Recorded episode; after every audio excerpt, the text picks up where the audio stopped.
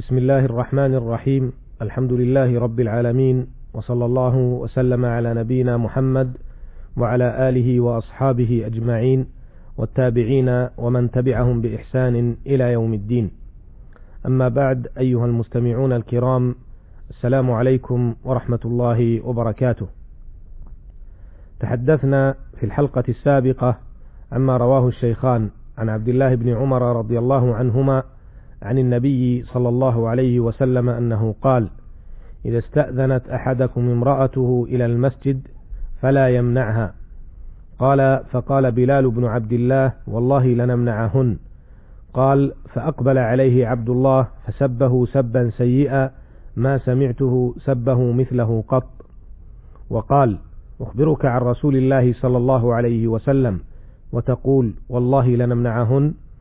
وفي لفظ لمسلم لا تمنعوا إماء الله مساجد الله.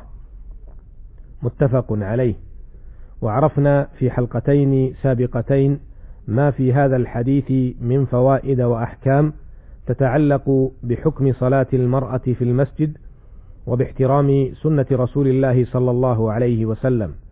وفي هذه الحلقة نعرض لما رواه الشيخان عن عبد الله بن عمر رضي الله عنهما أنه قال صليت مع رسول الله صلى الله عليه وسلم ركعتين قبل الظهر وركعتين بعدها وركعتين بعد الجمعة وركعتين بعد المغرب وركعتين بعد العشاء. وفي لفظ فأما المغرب والعشاء والفجر والجمعة ففي بيته.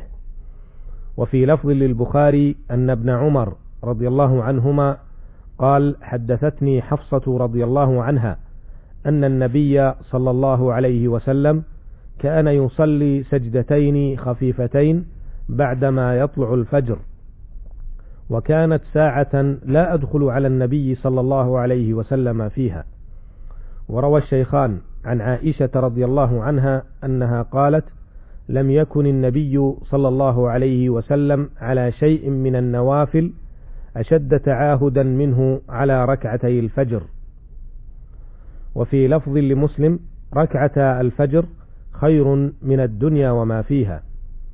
هذه أحاديث وروايات عظيمة فيها بيان لبعض النوافل المؤكدة التي كان يحرص عليها النبي صلى الله عليه وسلم ويتعاهدها ويحث عليها.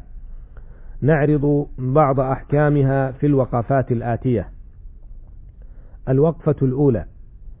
في هذه الأحاديث بيان للسنن الراتبة وهي كما جاءت في حديث ابن عمر رضي الله عنهما هنا عشر ركعات ركعتان قبل الظهر وركعتان بعدها وركعتان بعد المغرب وركعتان بعد العشاء وركعتان قبل الفجر.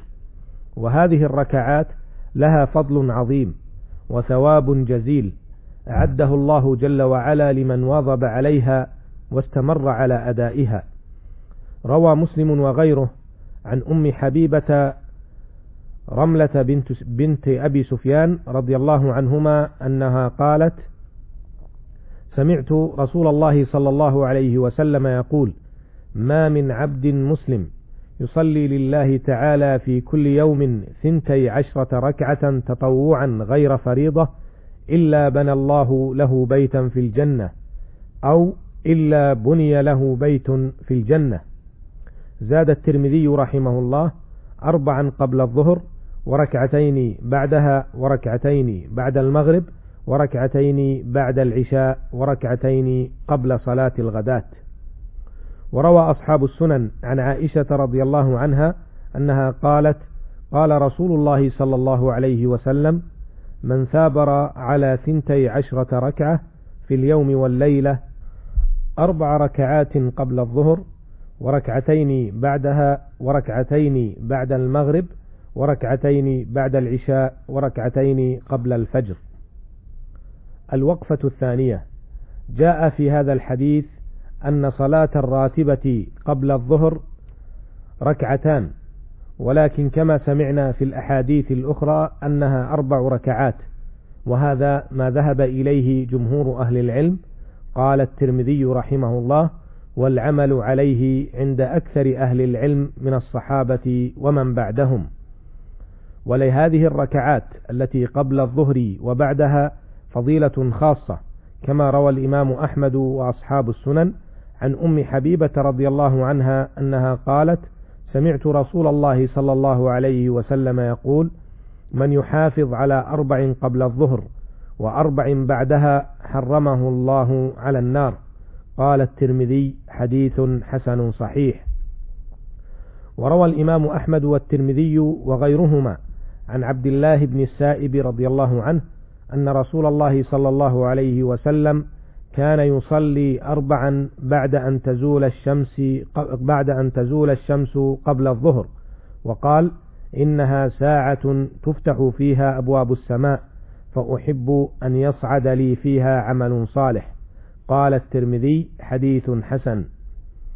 الوقفة الثالثة.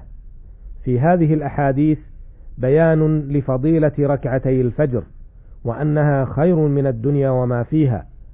وكان رسول الله صلى الله عليه وسلم يحرص على أدائها ويتعاهدها ويداوم عليها.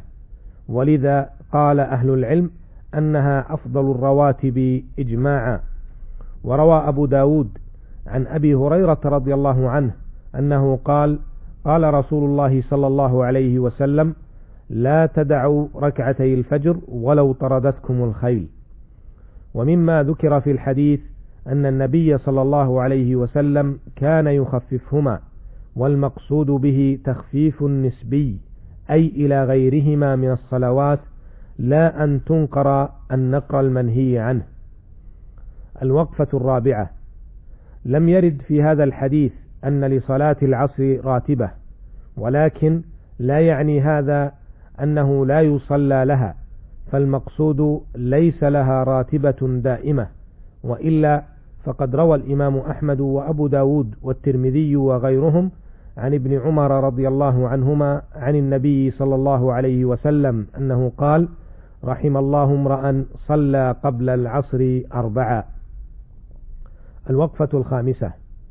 مما يدل عليه الحديث أن لصلاة الجمعة ركعتين تصلى بعدها وهي أقل الراتبة لهذا الحديث لكن جاء في صحيح مسلم أن النبي صلى الله عليه وسلم قال إذا صلى أحدكم الجمعة فليصلي بعدها أربع ركعات وهذا ما ذهب إليه جمع من أهل العلم وجمعوا بينه وبين الحديث الذي معنا بأنه إذا صلى في بيته صلى ركعتين وإذا صلى في المسجد صلى أربع ركعات وهذا ما اختاره شيخ الإسلام ابن تيمية وتلميذه ابن القيم رحمهما الله. الوقفة السادسة. دل الحديث على أن النبي صلى الله عليه وسلم كان يصلي المغرب والعشاء والفجر والجمعة في بيته.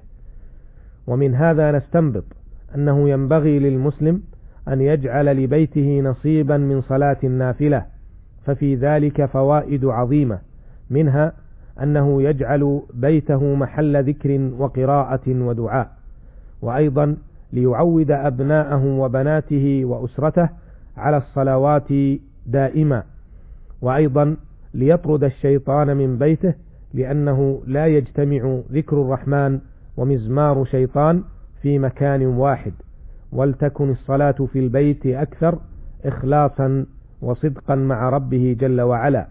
ولذا جاء في الحديث الصحيح أفضل صلاة المرء في بيته إلا المكتوبة.